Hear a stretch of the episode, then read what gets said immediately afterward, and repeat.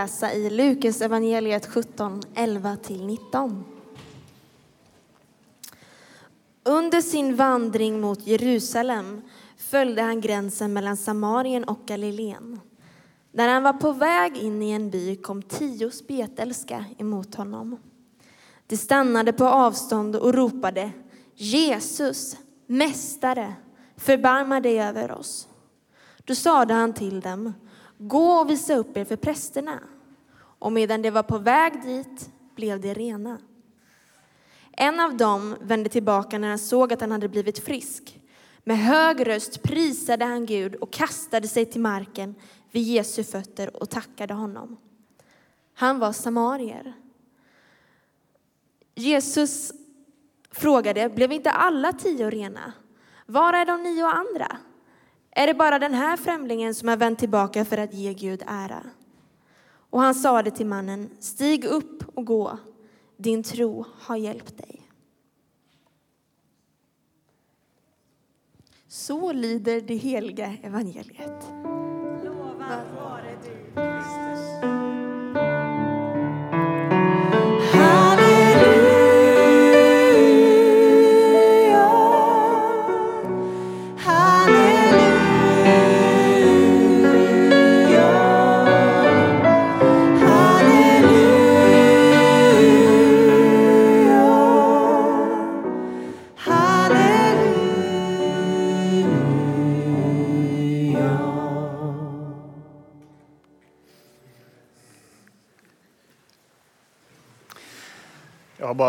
på ett enda scoutläger i hela mitt liv. Det var när jag var 22 år och jobbade som ungdomsledare i Lerums Missionskyrka. Och då var det några som sa att mitt, mitt jobb när vi kom dit var att, att se till att det inte fanns något kobajs på ängen där vi var.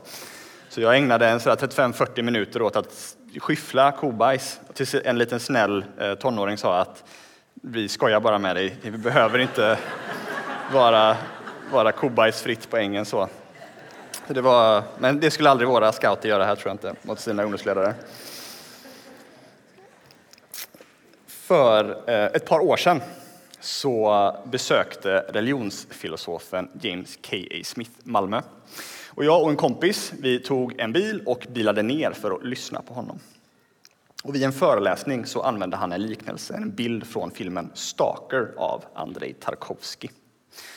Och då tänker ni precis som jag säkert att inte nog med att en av ens favoritfilosofer kommer till Sverige, utan när han gör det så får man lyssna på honom prata om Tarkovsky. Det som man fick nypa sig i armen, kändes som att man hade dött och kommit till himlen. Filmen Stalker handlar om tre män som är på en resa. De har inga namn utan adresseras genom deras titlar. Professorn, författaren och Stalker. Och staker är inte det som vi tänker på som en staker, en sån där obehaglig person som följer efter människor, utan en slags guide, en reseguide. Så de här tre personerna färdas genom zonen, ett märkligt ödelagt landskap som ser ut lite som Tjernobyl efter katastrofen. Men långsamt, långsamt har det börjat växa fram plantor och komma tillbaka djur. Och till slut så kommer de till slutdestinationen och Stalker berättar att de har kommit till rummet. Och det speciella med rummet är att den som går in där får sina djupaste begär tillfredsställda. Professorn och författaren som har rest långt börjar nu tveka. Vågar jag gå in? Vet du? Eller de började tveka på vad de skulle möta där inne. Skulle du våga gå in i ett sånt rum? Vet du vad du skulle möta där inne? K.A. Smith han återvänder i flera av sina böcker till en tes som han har blivit lite känd för. Och det är att det som karaktäriserar oss människor, det som är mest talande för vilka vi är, är att vi är älskande, begärande, tillbedjande varelser. I hans bok en av hans böcker, som heter Du är vad du älskar, argumenterar han att vi människor definieras av våra innersta begär. Och I den boken skriver han så här. Det vi vill och längtar efter kommer ur vår identitets innersta kärna. Det är källsprång ur vilken våra handlingar, vårt beteende strömmar. Vår vilja springer ur vårt hjärta, den mänskliga personens centrum. Därför ger oss skriften rådet att framför allt som ska bevaras ska du bevara ditt hjärta, för därifrån utgår livet.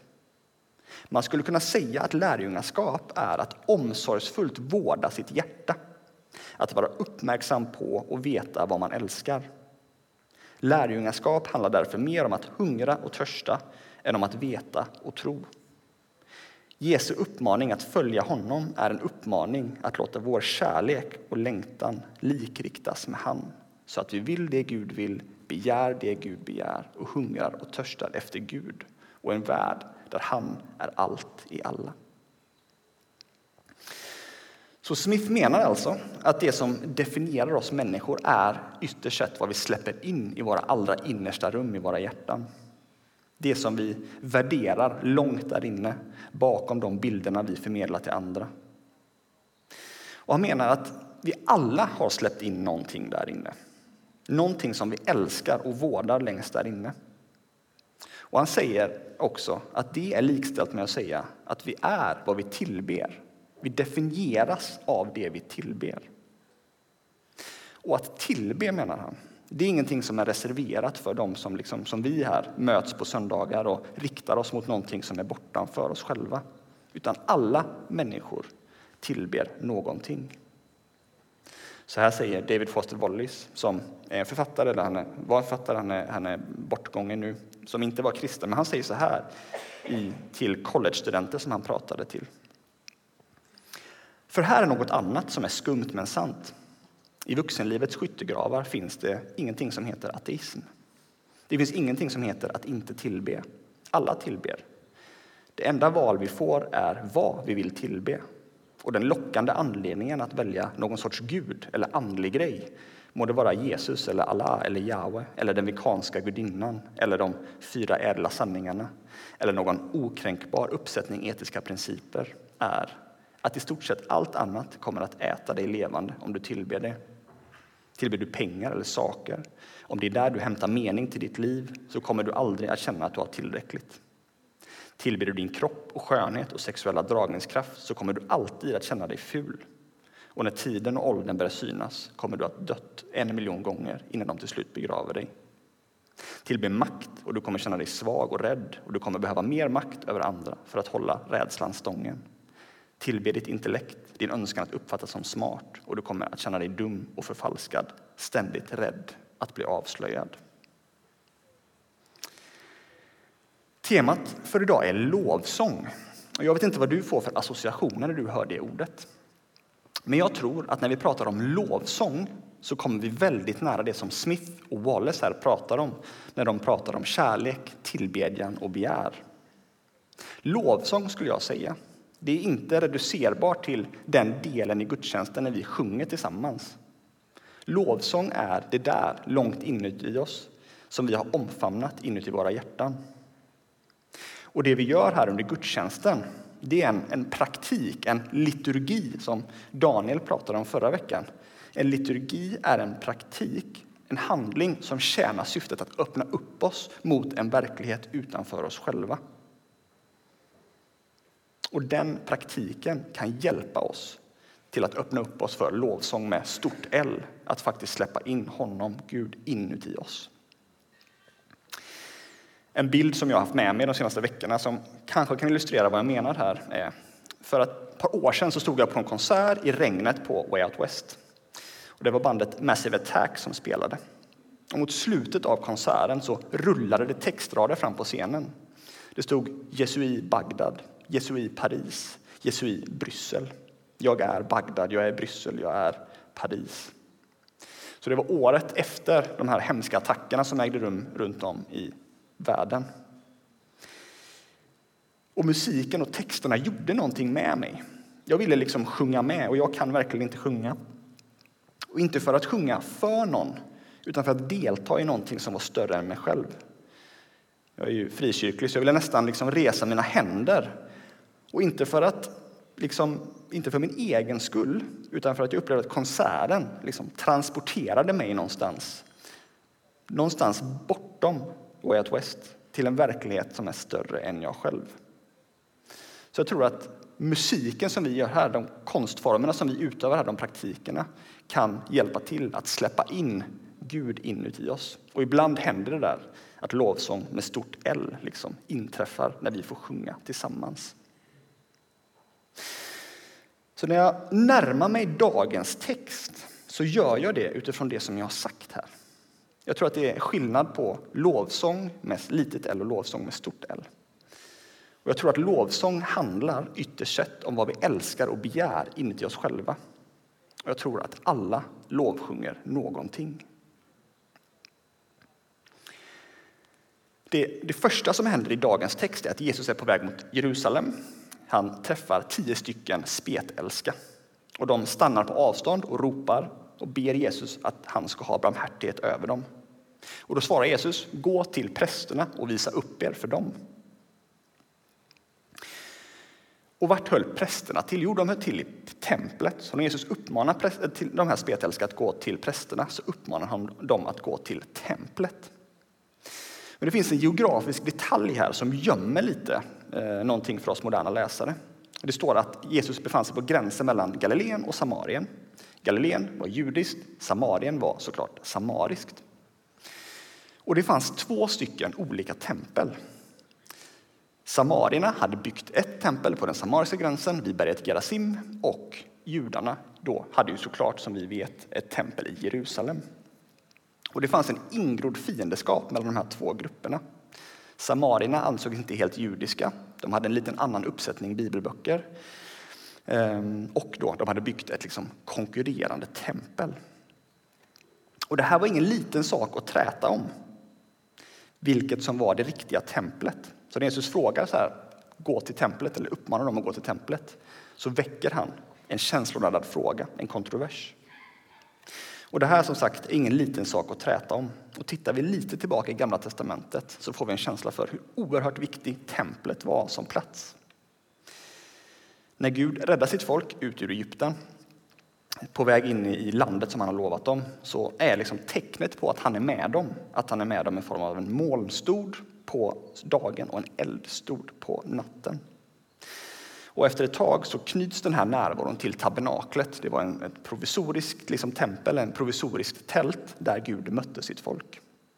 När de väl har etablerat sig eh, i, i landet som han har lovat dem så knyts Guds närvaro till templet och närmare bestämt till det allra heligaste som var den, den innersta kretsen i templet.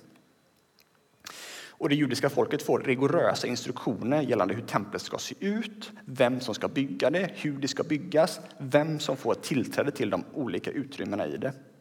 Och de får väldigt stränga instruktioner om vilka aktiviteter som ska äga rum i templet. När och var och hur som, som det som ska offras ska offras och hur de här offerriterna ska utföras. Så templet var ett teologiskt nav Templet vittnar om vem Gud var. Det signalerar att han är helig, han är kärleksfull. Offerriterna de signalerar att Gud både möjliggjorde gemenskap och förlåtelse och försoning, men även att han var annorlunda, större, något som man behövde ha vördnad inför, att, gå, att träda fram inför. Templet var platsen som signalerade att det judiska folket var Guds eget folk. Det var platsen där himmel och jord möttes. Det är svårt att överbetona hur viktig den här platsen var. Och det finns få katastrofer som är lika förödande som när templet jämnades med marken i samband med exilen när Babylon invaderade eh, Jerusalem. Så det var ingen liten sak att träta om. När samarierna byggde ett eget tempel på den samariska sidan så var det nära på hädiskt. Det fanns två rivaliserande tempel så vart är det de här människorna ska gå? Ska de gå till Jerusalem eller till Gerasim? Vilket tempel är platsen där Gud möter sitt folk? Innan jag går vidare så skulle jag vilja ställa en fråga till oss. Till vilka tempel går vi? Om det stämmer att vi är lovsjungande varelser, då är det inte bara i byggnader som är designade för liturgi och tillbedjan som lovsång sker. Men hur kan det se ut? Peter Eagle Sims är en författare som har läst på Harvard. Och I en bok och en artikel så reflekterar han över sin tid på nej förlåt, Stanford, inte för att det är jätteviktigt, men Stanford han pluggat på. Och han eh, reflekterar över sin tid där. Eh, han reflekterar över hur oerhört glad han blev när han blev antagen och eh, när han tog examen, hur han kände att nu kommer jag lyckas, nu kommer jag bli någon. När han sen, 20 år senare, träffar sina kursare så beskriver han att få av dem verkade leva tillfredsställande liv. En eller två hade liksom lyckats i deras mått mätt. Men många jobbade oerhört mycket, 60-70 timmar om dagen. Och han inte med sånt som Peter Eaglesims själv tänker skulle generera mening som vänskap, avkoppling, familj och så vidare. Vad är problemet här? Jo, författaren menar att platser som Stanford inte hjälper sina studenter att kultivera en syn på det goda livet som faktiskt genererar lycka. Istället uppmuntras ett evigt slit efter att klättra upp för karriärstegen. Och Eagle Sims själv säger så här. Det stora problemet är att vi i vår kultur av hög prestation, statussökande och rädslodriven ambition att den kulturen innehåller andliga hål som priser, pengar, eller andra hyllningar inte kan tillfredsställa. På Stanfords campus finns inga som skulle titulera sig som präster, men där finns personer som framhåller en viss syn på vad det goda livet är och som uppmuntrar en slags lovsång av hög prestationsstatus, ambition, pengar och karriär. Det förrättas inga bokstavliga offer, men författarens kursare tycks offra tid, hälsa och vänskapsrelationer och möjligheten till familj på karriärens altare i hopp om att det ska leda till ett lyckat liv. Och fastän inga lyfter sina händer som en liturgisk praktik så tror jag att det är lovsång som Eagle Sims egentligen pratar om. För några år sedan så skrev jag min examensuppsats i psykologi och jag skrev den eh, tillsammans med en kompis om kroppsuppfattning. Och vissa forskare i, i, inom det fältet menar att vi lever i en utseendekultur. Och I en sån kultur så bekräftas och valideras skönhet genom skyltfönster, serier, filmer. Och så, så är det ofta så att olika produkter, träningsprogram, dieter och annat liksom framhåller medel som vi kan liksom uppnå de här skönhetsidealen genom. Och andra menar också att vi lever i en konsumtionskultur som kapitaliserar på att intalas att det är någonting som är fel med oss.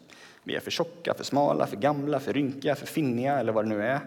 Men om vi bara hittar rätt produkter, då kan vi bli snygga. Då kan vi bli lyckliga. När vi skrev den här uppsatsen så uppskattades att ungefär 70 procent av alla tonårstjejer led av kroppsmissnöje, ungefär 50 procent av alla killar. Vilket i sin tur genererar ytterligare olika sorters psykisk ohälsa. Och det sista jag vill göra är att skuldbelägga de som är klona på de här ouppnåeliga idealen. Men vad jag vill framhålla är att jag tror att vi lever i en kultur som lovsjunger skönhet. Och också där tror jag vi har våra präster i form av Instagramkonton, bloggar, vloggar som förmedlar en syn på vad en, ett gott liv och en god kropp är. Och många av oss offrar tid, pengar och energi för att nå fram till de idealen. Jag tror heller inte att vi är förskonade från att lovprisa andra saker än den Gud som vi explicit och tydligt bekänner oss till även här i kyrkan. Min aning är att vi ibland lovsjunger saker som är mer subtilt svårfångade för att vi gör det i, förklätt i andliga dräkter. Och en som har hjälpt mig mycket att, att brottas kring de här frågorna är teologen och pastorn Tim Keller. I en av hans föreläsningar så skiljer han på det vi uttalat lovsjunger och det vi funktionellt lovsjunger. Det vi uttalat lovprisar, det är det vi skulle säga till andra att vi tillber eller har kärt. Men det vi funktionellt lovprisar, det är det som vi hemfaller till och som vi inte alltid vet om. Det är det som vi egentligen styrs av och har gett oss till. Han ger ett talande exempel på när han möter en man i en av kyrkorna som han har jobbat i. Och mannen sökte sig till Keller för att han behövde hjälp för att han brottades med skuld och skamkänslor. Keller, som då var ung, berättar att han gjorde vad han fått lära sig. Han läste texter om Guds kärlek, om Guds förlåtelse. Han påminde om att det fanns människor kring den här mannen som, som älskade honom och värderade honom. Men ingenting verkade hjälpa. Men till slut så uttrycker mannen att han upplevde att han inte kunde förlåta sig själv. Vad Keller då föreslår och verkar inse är att den här mannen hade gett sitt lovpris till någonting annat än den bibliska guden. Och den guden förlät inte mannen. Om vi lovprisar att vi lever upp till en viss moralisk standard om vi lovprisar att vi är driftiga i vårt engagemang eller duktiga på att predika eller spela lovsång eller vara ledare i olika verksamheter så kommer de sakerna inte förlåta eller älska oss när vi misslyckas. Och ofta löser vi våra misslyckanden där med att slita hårdare, lägga mer timmar, jobba mer, plugga mer när vårt egentliga problem är att vi offrar på fel altare. Till vilket tempel går du? Vem får din lovsång där inne, inuti centrat av vem du är? Den lovsången som sker bakom våra bekännelser. I den sista delen av den här berättelsen så vänder en av de tio tillbaka. Han vänder tillbaka till Jesus. Han har märkt att han har blivit helad och istället för att gå till templet och visa upp sig för prästerna så vänder han tillbaka till Jesus. Han prisar Gud högt på vägen och slänger sig vid Jesu fötter. Och Jesus ställer, tycker jag, märkliga frågor. Blev inte alla renade? Var är de andra? Är det bara den här främlingen som har vänt tillbaka för att ge Gud äran? För mig är det här konstiga frågor, för de andra gör ju kanske exakt det som Jesus sagt har uppmanat dem. De går till prästerna. Vi kan inte veta vad mannen tänkte eller vad hans intention var med att återvända. Men jag tror att mannen såg något i Jesus. Att mannen på något plan registrerade att det var någonting mer än bara en mirakelgörare, någonting mer än bara en profet som, som han stod inför. Och när vi läser igenom Lukas evangeliet så märker vi att det är någonting märkligt med Jesus. Och jag tror, om vi tittar på Lukas evangeliet så får vi en liten glimt av vad den här mannen såg och vad Lukas vill att vi ska se. När vi läser de här berättelserna om, eh, om när Jesus föds så är det märkliga omständigheter kring det. Han föds Eh, utan att ha en, en jordisk pappa och hans mamma Maria får massa ord om, om att den här personen som hon kommer föda kommer vara den högste son. Och det var en kunglig titel, men det verkar vara något mer som det här betyder för Jesus. Och Jesus verkar genom sitt liv också ha en märklig relation till templet, den viktigaste platsen för det judiska folket. Redan som tolvåring så försvinner han hem från sina föräldrar. Och var hittar de honom? Jo, i templet. Och när de hittar honom så säger han att fattar inte ni att jag måste vara i min faders hus? När han växer upp så fortsätter det här märkliga förhållningssättet till templet. När han stöter på en lam person så erbjuder Jesus inte honom bara helande, utan även förlåtelse. Och Det konstiga här är att det är bara Gud som kunde erbjuda förlåtelse, och det gjorde han via templet. Och nu verkar Jesus agera oavhängigt, frånkopplat från tempelverksamheten. Och han erbjuder det som egentligen bara kunde erbjudas där. Jesus verkar signalera att han på något vis står över templet. Jesus beger sig sen mot Jerusalem, som det också står i dagens text här. Och när han är på väg dit så vet vi att han har sagt att han är på väg dit för att dö och att han är på väg dit i en konfrontation med templet. Och när han kommer dit så driver han ut de som köper och säljer där inne. Eh, och det är en konfrontation med korruptionen som fanns där, men det händer någonting mer där. Så här skriver N.T. Wright om just tempelhändelsen. Allt det här har en djup innebörd, inklusive en inkarnationstanke. Det var oundvikligt att det skulle bli en kraftmätning mellan Jesus och templet när han kom till Jerusalem. Staden och det religiösa systemet var helt enkelt inte stort nog för de båda. De kunde i slutändan inte finnas två platser och två sätt för den enda guden att bo med sitt folk. Han kunde inte vara delad i sin förlåtande och livgivande kärlek när han sträckte ut sin hand över världen, vilket alltid var avsikten. Jesu kritik av templet var sträng. Det fanns mycket korruption inom tempelväsendet på den här tiden vilket gjorde att många andra judar också var arga på dess ledare och sättet som templet sköttes på. Men Jesus kritik gick längre när verkligheten uppenbarar sig, vad händer då med symbolen? Och när Jesus dör så brister förhänget till templet. Den duk som hindrade det allra, allra heligaste mot att blottläggas. Den plats som var förbehållen en person en gång om året blottläggs. Och jag tror det här signalerar att templet har spelat ut sin roll. Guds verksamhet knyts nu helt till Jesus. Vad jag tror att Lukas vill att vi ska se är att det är Jesus som är templet förkroppsligat. Han är den ultimata översteprästen som inte är begränsad av moralisk brist eller av tid eller rum och som vi alltid har tillgång till. Han är det perfekta offret som alla tjurar, baggar, lamm och duvor pekade mot.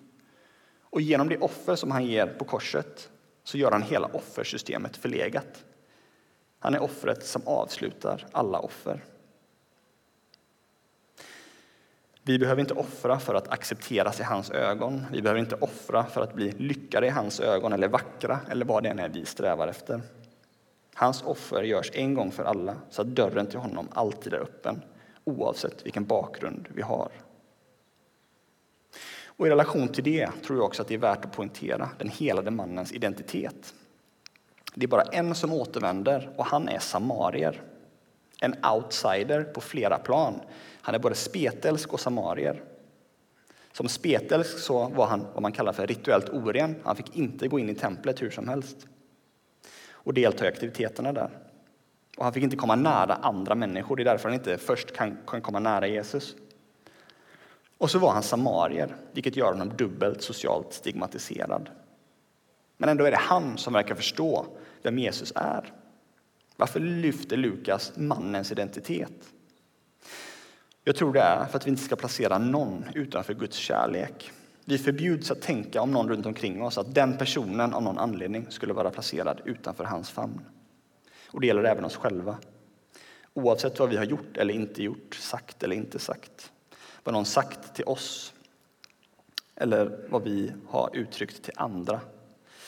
Eller misstag som vi har gjort eller vad vi liksom medvetet illvilligt har gjort mot andra. Oavsett vad så finns han där för oss och vägen till honom är vidöppen.